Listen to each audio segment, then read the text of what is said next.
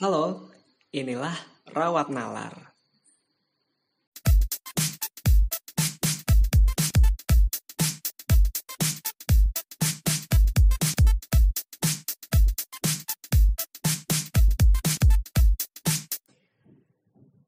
Oke, selamat malam, selamat datang kembali di podcast Rawat Nalar. Uh, masih sama gue Ismail Fajar.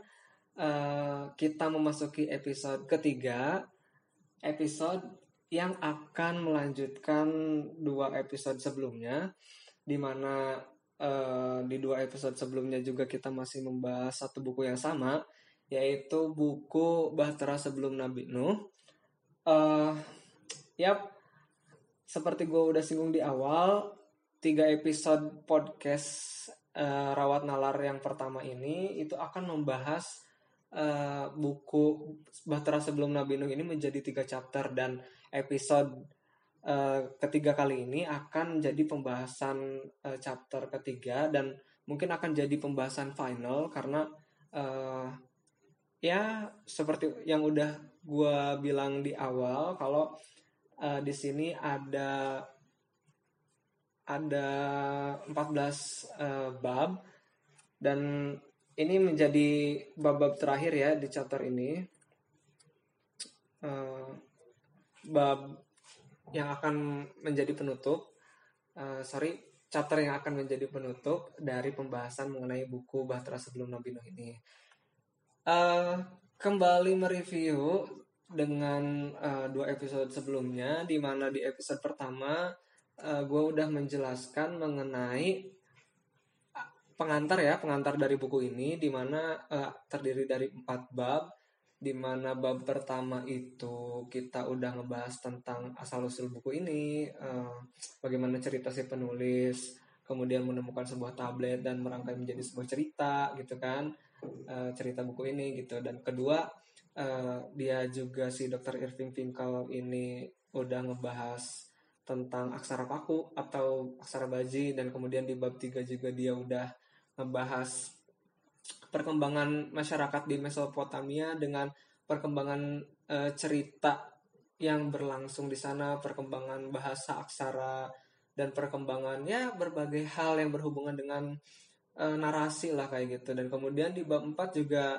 uh, si Dr. Irving Finkel, penulis dari buku ini juga udah membahas mengenai kisah air bah dan kisah air bah dari berbagai sumber gitu kan. Itu chapter pertama. Kemudian di chapter kedua juga udah kita bahas mengenai tablet bahtera yang menjadi uh, inti dari buku ini. Tablet bahtera sebuah prasasti uh, yang berasal dari Mesopotamia yang ditemukan yang kemudian direkonstruksi cerita sejarahnya oleh Dr. Irving Finkel ini yang memang kebanyakan membahas tentang bahtera gitu kan sehingga akhirnya tablet atau prasasti ini disebut sebagai tablet bahtera gitu. Nah kemudian uh, pembahasan tablet bahtera itu uh, dari bab 5 sampai bab uh, berapa ini ya bab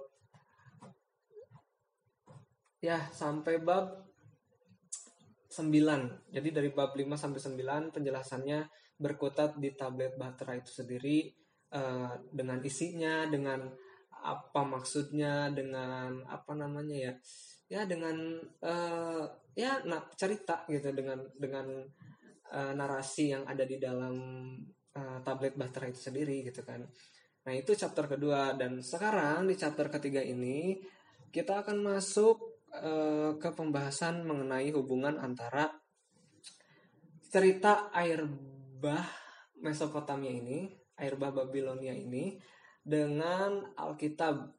Mungkin kalau um, gue nggak terlalu tahu sih sebenarnya isi dari Alkitab karena uh, ya gue seorang Muslim jadi gue hanya berkutat dengan Al-Quran.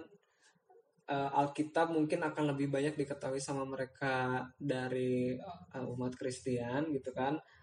Uh, nah di chapter ketiga ini uh, pembahasannya akan berkisar di sana gimana kemudian cerita tentang air Babilonia itu ada di Alkitab mungkin kira-kira kayak gitu kali ya. Uh, apa namanya inti pembahasannya akan ke sana kayak gitu. Nah ini uh, ada bab 10, 11, 12, 13 sampai 14. Uh, ya sebelum gue masuk ke pembahasannya, jadi gue ingin menjelaskan terlebih dahulu kalau ya ini ada di buku ini juga sih sebenarnya, cuman karena ini penting jadi gue jelaskan di awal. Nah pada intinya uh, kita kan sekarang hidup di zaman ini ya gitu di zaman uh, present gitu sekarang gitu kan uh, di zaman sekarang itu kita kan menerima uh, cerita gitu kan menerima cerita dari uh, para pendahulu kita gitu kan sampai akhirnya kita mengetahui mendengar dari berbagai sumber uh, mengenai cerita-cerita zaman dulu termasuk dengan cerita air bah Babilonia ini gitu kan. Nah dari mana sih kita dapat gitu? Uh, ya mungkin kalau orang Islam tahunya dari Al-Quran gitu kan. Dan uh, orang-orang Kristen itu mungkin tahunya dari Alkitab gitu kan. Dan uh, orang-orang di kalangan akademik gitu kan. Uh, para peneliti para dosen gitu kan taunya selain dari Alkitab atau Al-Quran juga tahu dari hasil-hasil penelitian gitu kan. Uh, di mana penelitian itu merupakan hasil rekonstruksi dari uh, uh, sejarah gitu kan rekonstruksi sejarah dari benda-benda yang ditemukan di kawasan Mesopotamia kayak gitu. Nah uh, cerita itu eksis di zaman ini gitu. Sehingga kita tahu ada cerita tentang air bah kayak gitu. Nah, uh, di sini mungkin yang ingin diangkat oleh si Dr. Irving Finkel ini di bab 10 adalah uh, adanya eksistensi cerita itu tapi di dua di dua apa namanya ya di dua sumber yang berbeda gitu di mana yang satu uh, kita terima dari narasi keagamaan gitu kan dari Alkitab gitu dari Al-Qur'an. Uh, di sini sih dia menggarisbawahi Alkitab sebenarnya karena mungkin kisah air bah ini juga uh, banyak sekali gitu di air eh, di air bah. Banyak sekali di Alkitab gitu kan. Dan juga uh, ada satu narasi akademis gitu kan. Uh, sorry mungkin lebih ke sastra kali ya. Ada narasi sastra gitu yang tersampaikan ke kita melalui potongan potongan-potongan penemuan benda-benda sejarah kayak gitu. Nah itu menjadi dua apa namanya ya dua garis uh, perkembangan cerita yang sama-sama menceritakan tentang kisah air bah gitu kan. Nah, di bab 10 ini uh, si Dr. Irving Finkel ini kemudian mengangkat satu argumen argumen yang uh, menjelaskan bahwa cerita uh, yang ada di Alkitab mengenai kisah air bah ini uh, sebenarnya nggak terlepas dari cerita-cerita yang tertulis di dalam prasasti-prasasti atau tablet-tablet yang bertuliskan uh, aksara cuneiform gitu kan. Nah, uh, kenapa gitu kan? Kenapa dia akhirnya menyimpulkan hal itu? Karena uh, ya pada intinya dua-duanya sama-sama punya cerita tentang air bah kayak gitu.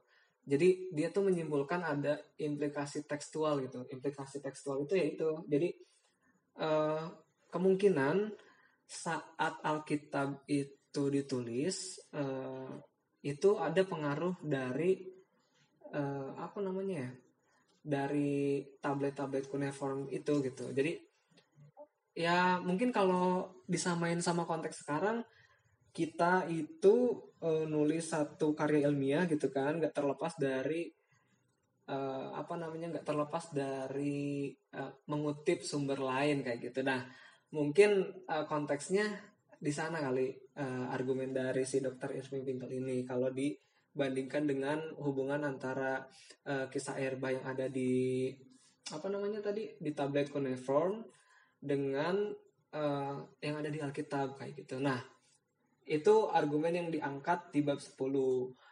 Rincinya si dokter Irving Finkel ini masuk di bab 11 kayak gitu. uh, di bab 11 ini uh, dia ngasih judul pengalaman bangsa Yudea gitu. Ya bangsa Yahudi mungkin kali ya. Uh, gue nggak terlalu tahu sih arti perbe uh, sorry perbedaan antara Yudea kemudian Yahudi Yehuda. Uh, mungkin nanti gue harus baca lebih banyak tapi judul yang diangkat itu di sini pengalaman bangsa Yudea. Apakah itu sama dengan Yahudi atau enggak gue kurang tahu gitu. Nah uh, di bab ini uh, dia tadi mencoba mengangkat uh, pandangan mengenai perkembangan apa namanya perkembangan cerita mengenai air bah di Babilonia uh, hingga sekarang kayak gitu. Hingga sampai uh, di kita gitu. Hingga narasinya atau ceritanya itu terdengar uh, ke telinga kita gitu kan. Nah ada dua pandangan. Di pandangan pertama uh, aliran pertama gitu kan uh, kelompok pertama ini melihat bahwa cerita mengenai air bah yang ada di uh, tablet cuneiform dengan cerita air bah yang ada di Alkitab uh, berdasarkan catatan kejadian Alkitab. Gue nggak ngerti sih sebenarnya uh, sering dengar sih di di uh, umat Kristen itu ada yang namanya kitab kejadian. Gue nggak tahu uh, dia kitab kejadian itu kitab apa, tapi mungkin yang gue tangkap dari tulisan si uh, Dr. Irving Finkel ini kitab uh, apa ya namanya ya kitab sebelum uh, Alkitab itu ada gitu jadi uh, proses terbentuknya Alkitab nah uh, itu uh, didasarkan sama catatan catatan kejadian uh, yang terjadi sebelum uh, yang mungkin sebelum Nabi Isa ada kali ya sorry. Sebelum uh, Yesus ada gitu. Nah jadi uh, berdasarkan pandangan pertama ini cerita mengenai air bah yang uh, sampai ke kita melalui Alkitab itu independen, independen berkembang. Jadi uh, dia bilang kalau sejak masa Nabi Ibrahim, jadi Ibrahim itu sebagai leluhurnya uh, bangsa Yahudi gitu kan, uh, itu udah tahu cerita mengenai uh, mengenai apa namanya mengenai cerita Ilbah Babilonia ini gitu uh, sejak Nabi Ibrahim sorry sejak ya sejak masa Ibrahim uh, dia kan tinggalnya di ini ya di apa namanya di Yerusalem gitu kan bolak balik ke Arab gitu kan setahu gue gitu. Jadi sejak uh, Nabi Ibrahim ada ini dia udah tahu ceritanya. Turun temurun ke bangsa uh, Yahudi atau bangsa Yudea kemudian turun lagi uh, ke apa namanya ya ke kitab-kitab kejadian yang kemudian uh, turun lagi ke bangsa-bangsa uh, di masa Yesus gitu kan uh, di bangsa di masa Yesus itu kan bahasanya pakai bahasa Ibrani gitu kan turun lagi uh, melalui Alkitab Alkitab sehingga akhirnya sampai ke kita gitu. Nah jadi itu uh, pandangan pertama.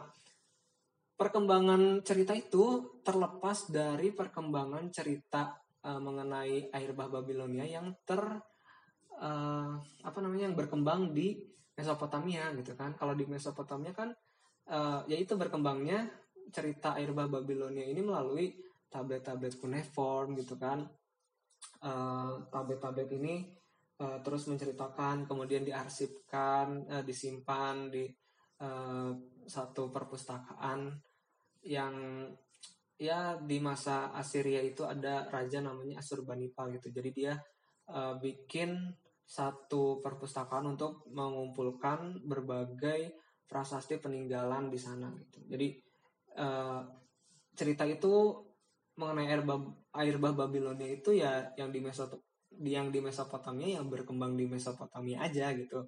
Sedangkan yang di uh, bangsa Yahudi ya ya di bangsa Yahudi aja. Uh, dua-duanya sama-sama berkembang sampai sekarang gitu. Dan sama-sama sampai ke telinga kita secara independen gitu. Nggak ada hubungan saling mempengaruhi.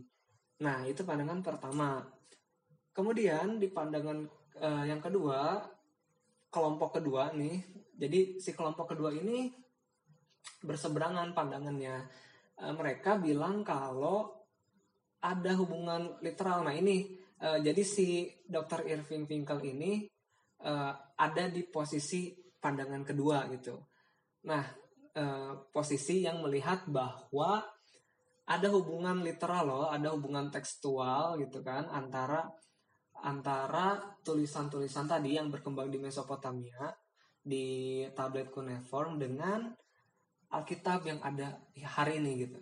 Alkitab yang ada di masa sekarang.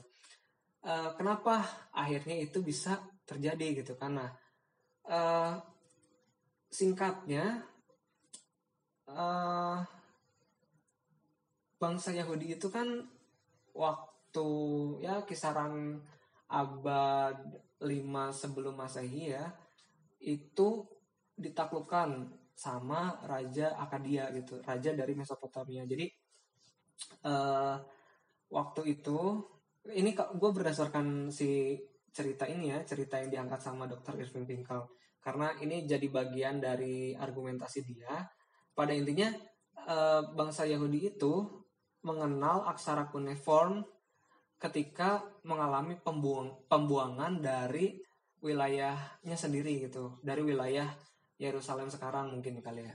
Jadi uh, ceritanya adalah bahwa di masa uh, abad 5 sebelum Masehi itu waktu itu kan ada kerajaan di Akadia eh, sorry ya di masyarakat Mesopotamia itu ada Akadia kan. Nah, Akadia ini di sedangkan di di Yerusalem itu ada kerajaan Yehuda gitu. Nah, di abad 5 sebelum Masehi itu eh, raja Akadia saat itu yaitu Nebukadnezar. Nah, ini juga salah satu tokoh yang sangat terkenal mungkinnya di kalangan para pecinta sejarah. Dia raja yang menaklukkan eh, yang mengangkat apa ya namanya ya? mengangkat uh, Mesopotamia menjadi besar mungkin kali ya. Gue juga kurang tahu, mungkin nanti gue harus baca juga. Nah jadi si Raja Akadia ini, si Nebukadnezar ini melakukan penaklukan ke uh, wilayah Yerusalem gitu, yang saat itu diduduki oleh kerajaan Yehuda yang dipimpin oleh seorang raja yang bernama Yoyakin. Ini ini ya uh, ceritanya tuh diangkat dari kitab kejadian kayaknya deh gue nggak tahu sih di sini uh, referensinya cuman ditulis raja-raja sama tawarikh gue nggak tahu uh, dari mana. Tapi pada intinya ceritanya adalah begitu. Uh, terjadi penaklukan oleh raja Akadia terhadap uh, kerajaan Yehuda. Nah ketika uh, kerajaan Yehuda ini ditaklukkan oleh uh, raja Akadia oleh Nebukadnezar uh, bangsa Yahudi yang menempati wilayah Yerusalem itu ditawan gitu kan ditawan dan kemudian e, dibawa ke Babilonia oleh Raja Nebukadnezar ini. Nah, itu di penaklukan pertama. Kemudian e, ketika itu rajanya itu si Yoyakin itu raja Yehuda dibawa ke Akadia dibawa ke Babilonia gitu. Uh, ditawan lah gitu kan dan digantikan oleh pamannya. Jadi uh, pamannya itu namanya Zedekia, paman si Yoyakin ini. Jadi setelah ditaklukkan, kerajaan Yehuda ini masih ada gitu. Uh, tapi yang menjadi raja itu bukan lagi si Yoyakin, tapi pamannya Yoyakin yaitu Zedekia. Nah, uh, hubungannya adalah jadinya si Zedekia ini, ini jadi raja bawahan dari Raja Akadia. Jadi kerajaan Yehuda ini ada di bawah taklukan uh, kerajaan Akadia yang kemudian uh, harus selalu mengirim upeti gitu. Nah, pada suatu saat si Zedekia ini juga apa namanya ya? Uh, membangkang gitu apa berkhianat lagi gitu dan akhirnya diserang kembali oleh si Nebukadnezar ini gitu kan. Eh, sorry oleh kerajaan Akadia ini. Dan kemudian akhirnya kocar kacirlah si kerajaan uh, Yehuda ini. Kemudian uh, si masyarakat atau bangsa Yahudinya itu sendiri terusirlah dari apa namanya dari kawasan Yerusalem itu. Dan ada yang lari juga ke Babilonia gitu kan. Nah jadi dalam dua kali gelombang perpindahan pertama uh, perpindahan bangsa Yahudi uh, ke Babilonia dengan ditawan dan kedua itu terjadi uh, penyerangan kembali yang kemudian menyebabkan mereka berdiaspora mungkin kali ya. Nah, terjadinya uh, apa namanya ya pengusiran atau pembuangan uh, masyarakat uh, Babi, masyarakat uh, bangsa Yudea itu ke Babilonia atau ke Mesopotamia itu menyebabkan uh, uh, apa namanya ya menyebabkan masyarakat atau bangsa Yudea itu masuk ke Babilonia dan harus mempelajari kebudayaan dari Babilonia kayak gitu. Nah, jadi di sinilah letak di mana akhirnya e, bangsa Yudea itu mengenal aksara cuneiform gitu.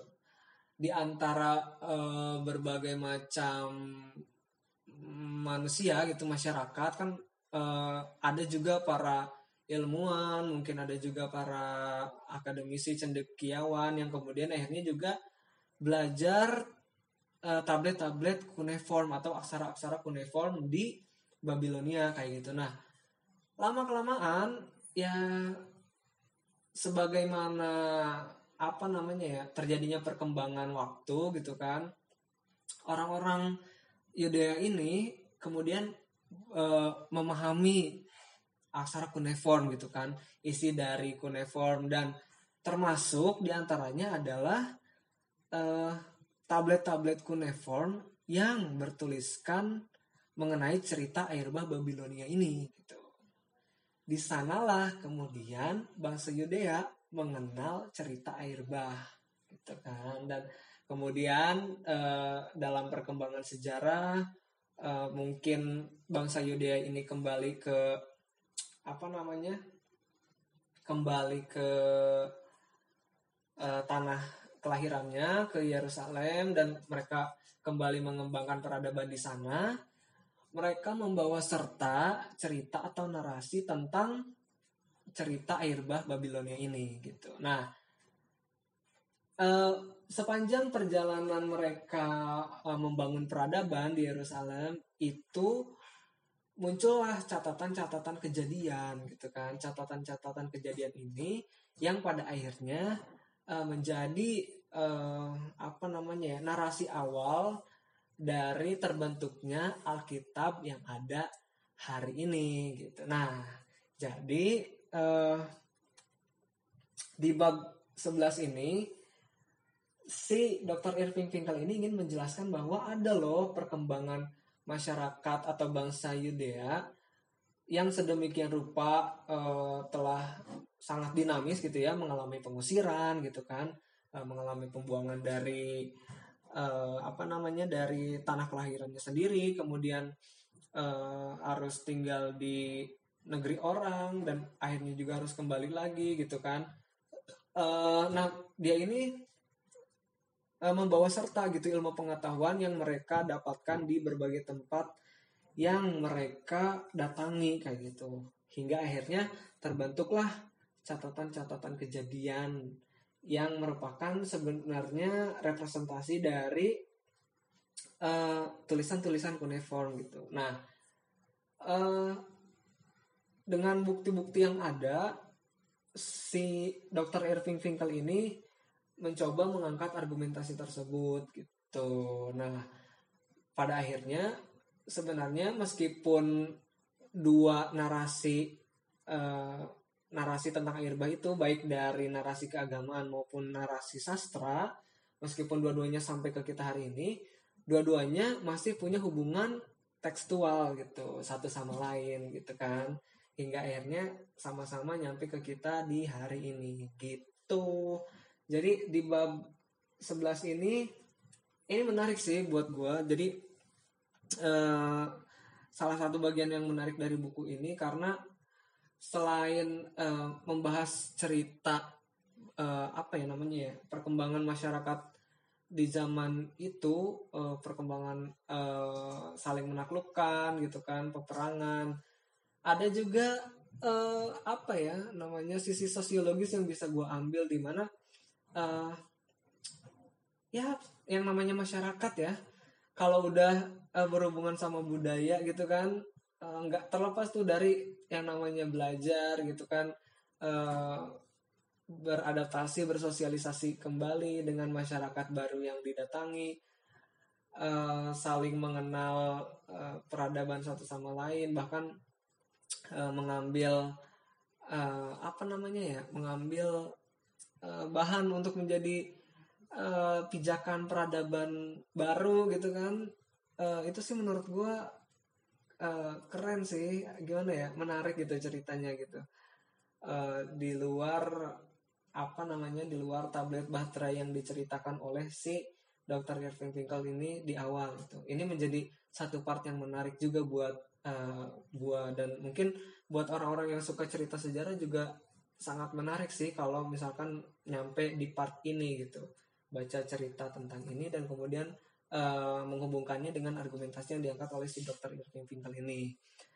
Nah, uh, lanjut ke bab 12, kemudian itu sih sebenarnya intinya uh, apa yang ada di Alkitab dengan apa yang uh, ber, berkembang di uh, narasi sastranya masyarakat Mesopotamia itu menurut si Dr. Irving Finkel ini ya ada hubungannya intinya sih gitu. Nah uh, masuk ke bab 12 kemudian dibahas juga mengenai di mana akhirnya perahu berlabuh gitu ini sebenarnya nggak terlalu berhubungan sih sama apa namanya sama uh, Alkitab dan mungkin ini sebenarnya masuk ke chapter berikutnya kali ya chapter mengenai penutup sebenarnya. Jadi uh, karena tabletnya ini yang ditemukan oleh si dokter Irving Pinkel ini mengenai bahtera gitu kan pada uh, bab-bab terakhir ini si dokter Irving Pinkel ini juga ingin mengangkat diskusi sebenarnya uh, Bahtera ini sekarang tuh ada di mana sih gitu? Ya ya mungkin kita juga ya sebagai masyarakat awam uh, bertanya-tanya nggak sih kadang-kadang gitu kan? Uh, kita tahu nih cerita dulu ada air bah ada uh, Nabi Nuh gitu kan bikin perahu yang sangat besar gitu kan menghadapi banjir yang begitu besar gitu. Uh, tapi sampai saat ini kita nggak tahu gitu perahunya tuh ada di mana gitu. Si baterainya tuh ada di mana gitu. Uh, jadi satu pertanyaan besar juga kan gitu kan. Uh, karena emang sampai sekarang eh, tempat-tempat uh, yang ditetapkan sebagai uh, tempat berlabuhnya Bahtera itu emang belum ada uh, kepastian gitu. Karena emang belum ada bukti-bukti yang kuat untuk merujuk keberadaan dari uh, Bahtera ini gitu. Ya lo bayangin aja sih sebenarnya itu udah berabad-abad uh, tahun lamanya ke belakang gitu kan. Dan di hari ini gitu kan kita pengen tahu ada di mana ya susah juga gitu kan. Nah uh, tapi di bab 12 ini si si dokter Irving Finkel ini uh, mencoba mengangkat beberapa diskusi mengenai tempat yang selama ini uh, apa ya namanya dispekulasikan sebagai tempat uh, berlabuhnya bahtera Nabi Nuh itu gitu kan. Dan dua tempat yang gua tangkap sih yang paling apa namanya ya yang paling kuat argumentasinya itu ya di Turki sebenarnya. Uh, entah itu ada dua pandangan sih. Ada yang bilang di Gunung Agri atau Agridak dan ada yang bilang juga di Gunung Judi atau Cudidak Nah, eh, itu masih diperdebatkan ya. Memang karena belum ada bukti kuat ya yang mendukung eh, keberadaan dari eh, Bahtera Nabi Nuh itu gitu berlabuh di mana gitu kita nggak tahu. Nah eh, dan dari tablet Bahtera ini juga sebenarnya nggak ada sih nggak ada hal yang menyinggung mengenai di mana letak tablet eh, letak Bahtera itu berlabuh gitu. Jadi mungkin part ini sebenarnya nggak terlalu menemukan apa ya nggak nggak terlalu ada hal yang menarik sih buat gua gitu. Nah, masuk ke bab 13, kemudian setelah berpanjang lebar si apa namanya si Dr. Irving Finkel ini membahas mengenai tablet bahtera uh, di sini dia pengen uh, apa yang namanya ya pengen mengangkat uh, diskusi mengenai tablet bahtera itu sendiri maksudnya gini ini judulnya apakah tablet bahtera itu nah uh, di awal itu sejak awal itu uh, tablet bahtera emang udah dijelasin ya uh, secara uh, bentuknya itu ya sekian dengan lebar panjang yang menyerupai HP cuman 6 cm kali 11 cm gitu kan. Uh, tapi si tablet bahtera ini tuh apa gitu? Belum disinggung sama sekali dari awal gitu.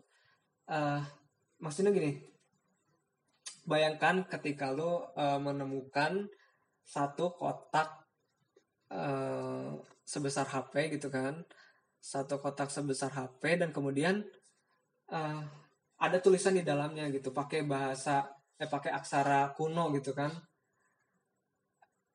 Sekotak uh, kotak yang sebesar HP itu apa sebenarnya gitu kan. Di zaman dulu itu dia fungsinya sebagai apa gitu dan untuk apa gitu. Kenapa tiba-tiba di masa sekarang kita menemukan uh, sekotak benda sebesar itu uh, yang bertuliskan dengan aksara uh, aksara cuneiform gitu, aksara paku atau aksara kuno gitu.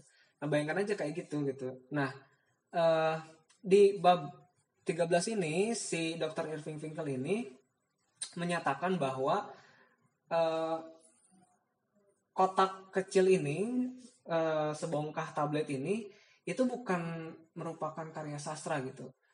Biasanya kan gini ya, kalau misalkan uh, prasasti prasasti ditemukan gitu kan, tablet-tablet uh, ditemukan oh uh, itu uh, cerita karya sastra gitu kan. Itu karya sastra yang uh, apa namanya yang ada pada zaman dulu gitu. Sebelum ada buku kan nulisnya di tablet gitu ya uh, nulis di tablet. Dan uh, ya itu karya sastra gitu. Sebagaimana mungkin uh, masyarakat sekarang menggunakan kertas untuk menulis novel ya mungkin kayak gitu kali ya. Tapi bukan gitu. Si tablet bahtera ini bukan karya sastra gitu.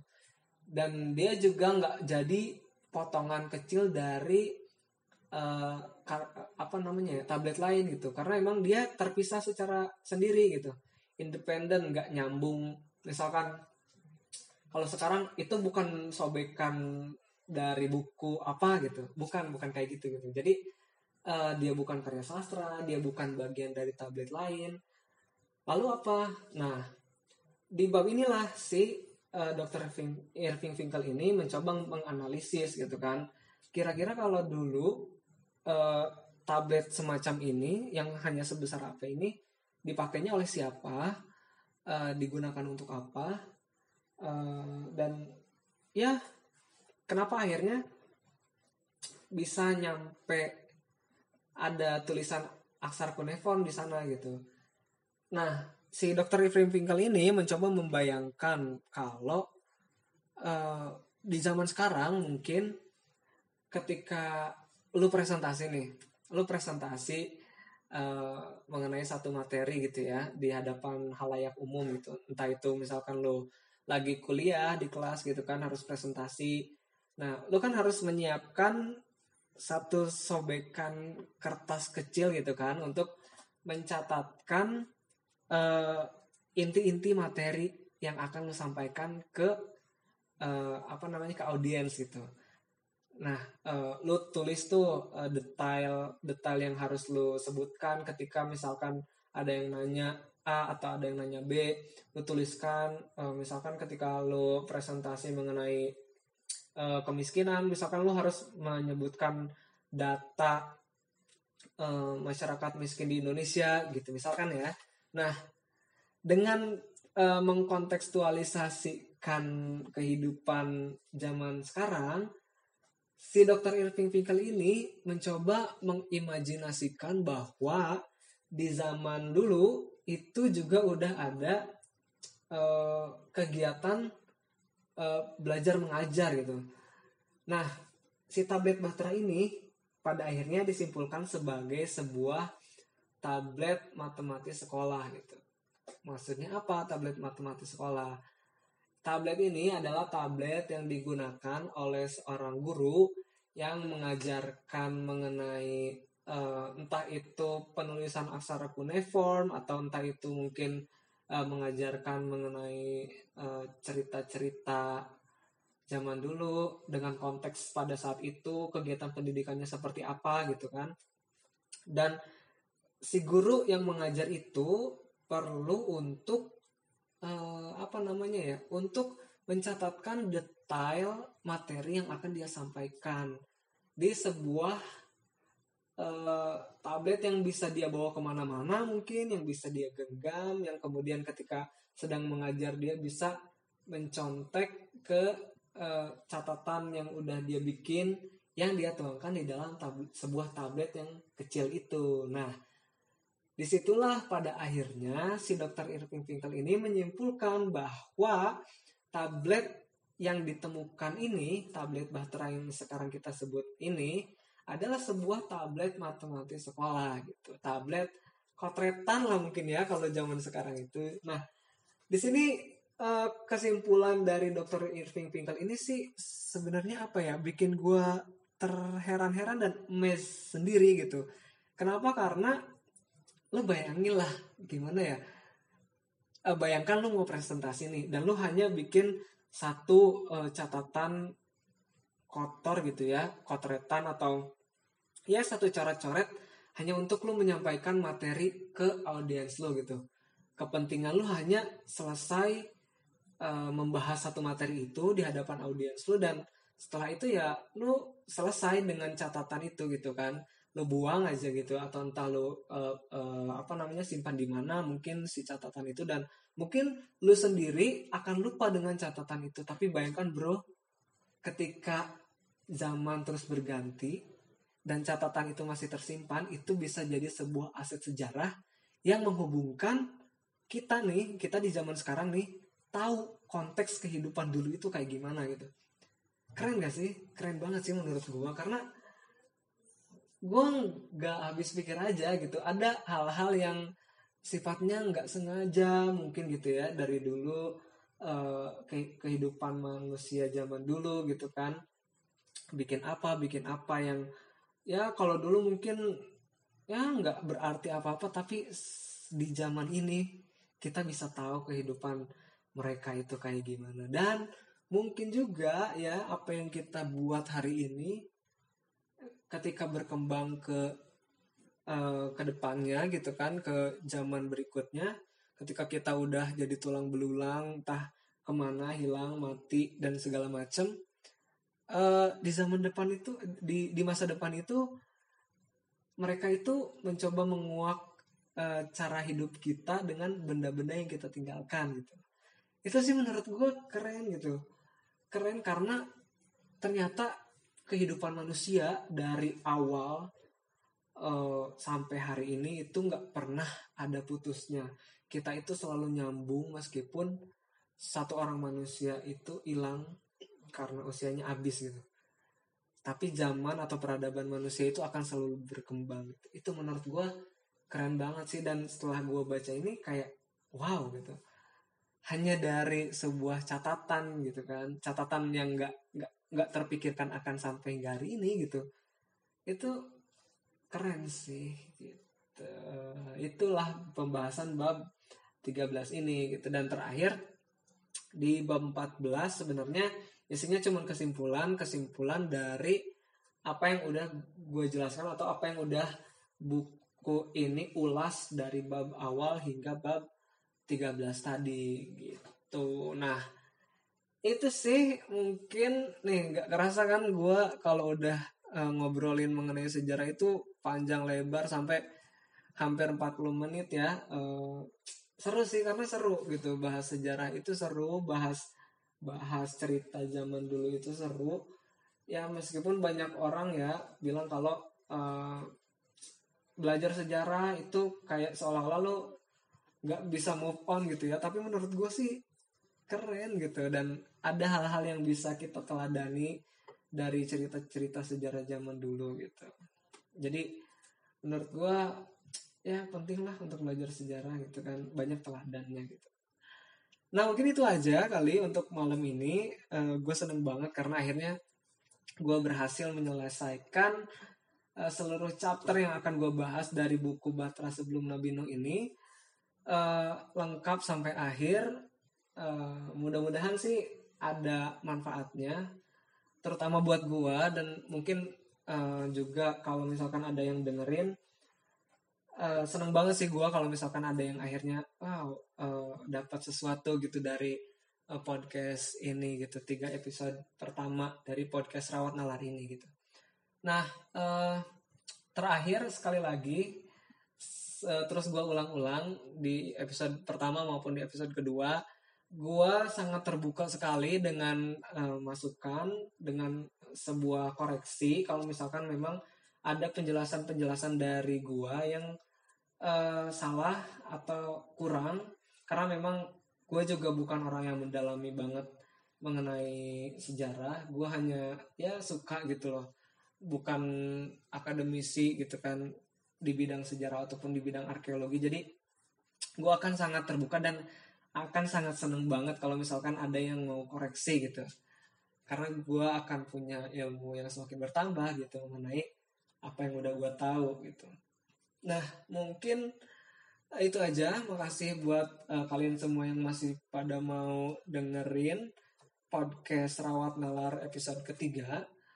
Gue berharap bisa review buku lain di episode berikutnya dan uh, tanpa panjang lebar gue pamit. Uh, pamit dari pembahasan buku ini, buku Bahtera sebelum Nabi Nuh ini dan selamat malam. Sampai jumpa di episode berikutnya. Terima kasih.